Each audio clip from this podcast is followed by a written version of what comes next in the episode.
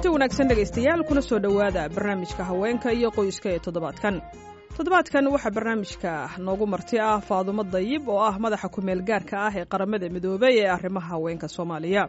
Faadumo waxa ay barnaamijkan kaga warramaysaa kulan ay toddobaadkii la soo dhaafay magaalada muqdisho ku yeesheen wafdi ka socda qaramada midoobay oo kulan la qaatay ra'iisul wasaaraha soomaaliya. Kulankaas oo waxyaabihii lagaga hadlay ay ka mid ahaayeen sidii sare loogu qaadi lahaa kaalinta haweenka ay ku leeyihiin siyaasadda dalka iyo in sharci laga soo saaro gudniinka gabdhaha. Faadumo waxay u warantay wariyaha v o e da sahre cabdi axmed delegationka la kulmay ra'iisul wasaaraha oona la kulmay bulshada rayidka oo siiba gabdhaha ka shaqeeya arrimaha gabdhaha iyo iyo dumarka oo banaadir.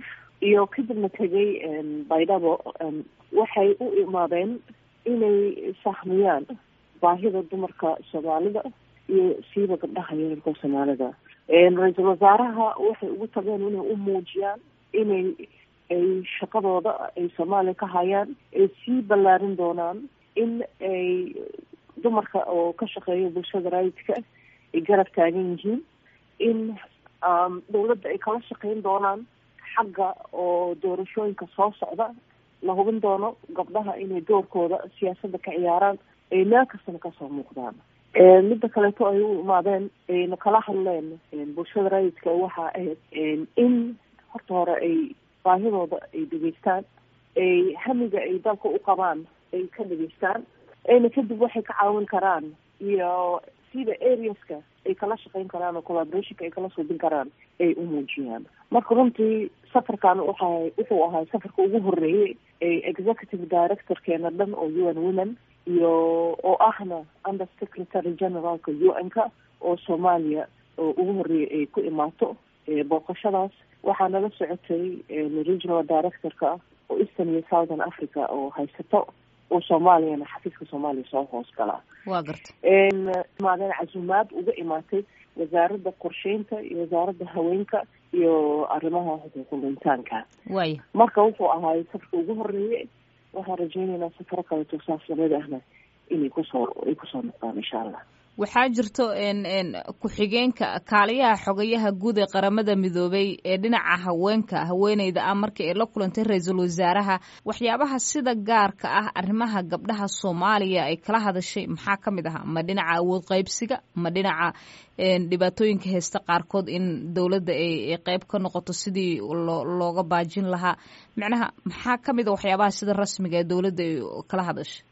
Dowladda waxay kala hadashay runta horta u n-ka markay la kulmaayaan dawladda uma imaadaan uma sheegaan sida u n women siday ushaqeyso ma ahan inin dad dawlad soo horfadhiisata ay usheegtay tiraahdo. Waxaas waxaas waxaas ayaad ka qabanaysaan arrimahan.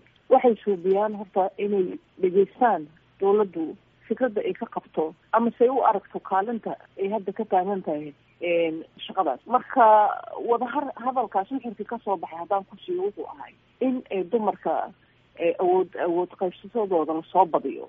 Haddaba boqolkiiba soddon koondadaa laga hadlaa. Waktigan xaadirka koondadaas waxaa lagu buuxiyay boqolkiiba labaatan iyo afar. Intaas yacni doorashooyinka soo socda intaas inka badan in gabdhaha loo badiyo booskooda loo xoojiyo.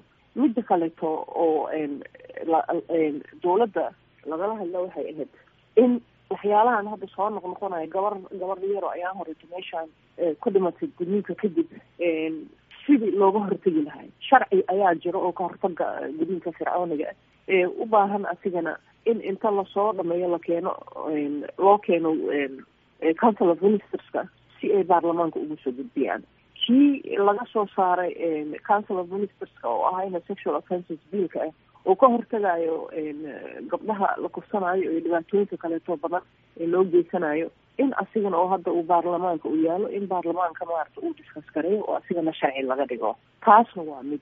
Midda kaleetana waxay ahayd in xagga dhaqaalaha la fiiriyo sida gabdhaha loogu kobcin karo oo economic empowerment waxa la yiraahdo dhaqaale abuur loogu sameyn karo. ka shaqeyn karaan. Haa dhaqaale abuur loogu subiya haa. Waa garta marka inaana hoos u sii gelgelin sababtoo ah waa wax oo naftirka shirkan wuxuu iska ahay wax oo iska confidential iska ah laakiin guud ahaan kor korka haddaan kaaga taataabto oo nafirka aan ku siiyo intaas waayahay soomaaliya waddamada ka soo baxaya dhibaatooyinka colaadaha iyo mushkiladaha muddada dheer la degay ayay ka mid tahay. Marka haddaad fiiriso caqabadaha ugu badan ee wakhtigan haweenka soomaaliyeed haysto maxaad ku macnayn lahayd?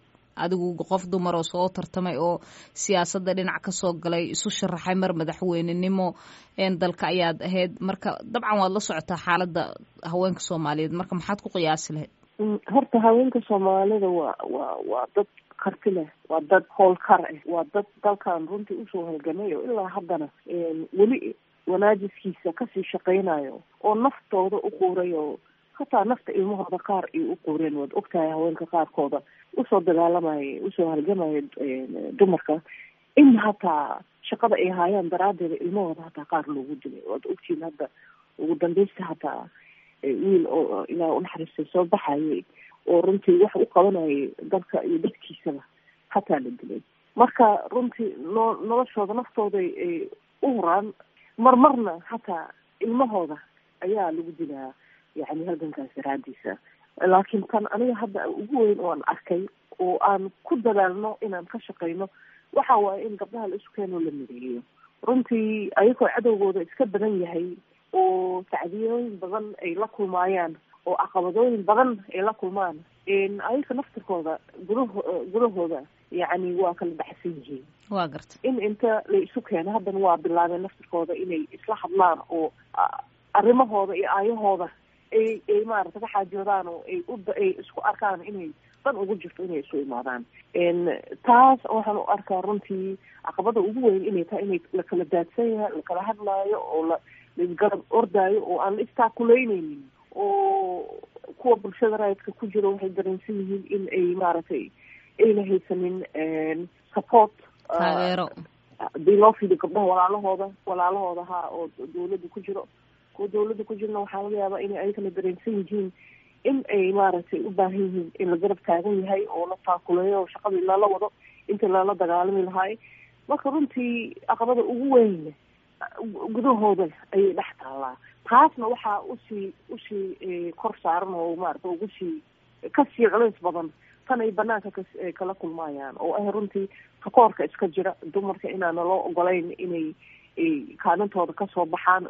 Malihid ragga dhana saas ah laakiin waxaa jira qaar oo maaragtay hadday rabaan dhaqan u isticmaalo ama diiniyan u isticmaalo ama si kaleeto wax si qalad ugu isticmaalo rabo inay banaanka ku hayaan. Iyo gabdhihii oo hataa markii meelaha ay soo galaan aana lahayn capacitygii ay maaragtay shaqadooda ku qabsan lahaayeen ay maaragtay gabdhahana ugu dadaali lahaayeen marka runtii caqabadooyinku waa badan yihiin laakiin tan aniga hadda sanadkan iyo saddexda bilood oo inta aan joogo aan runtii aan u arko oo haddana aan ku faraxsanayo inaan arko in ay wadahadalkaas uu dhacayo waxa waaye tan oo maaragtay gabdhaha haysato ah lakala daadsan yahay hadda laakin waxaa umalaysaa inay isfahmeen in laisla hadlaayo in rabo in isla jaar qaado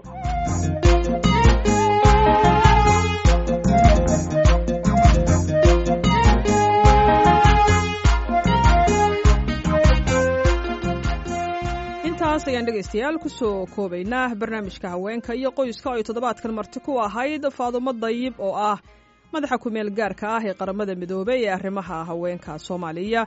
Intaan mar kale kulmayno waxaan dhammaantiin idinkaga tegaynaa sidaas iyo nabadgelyo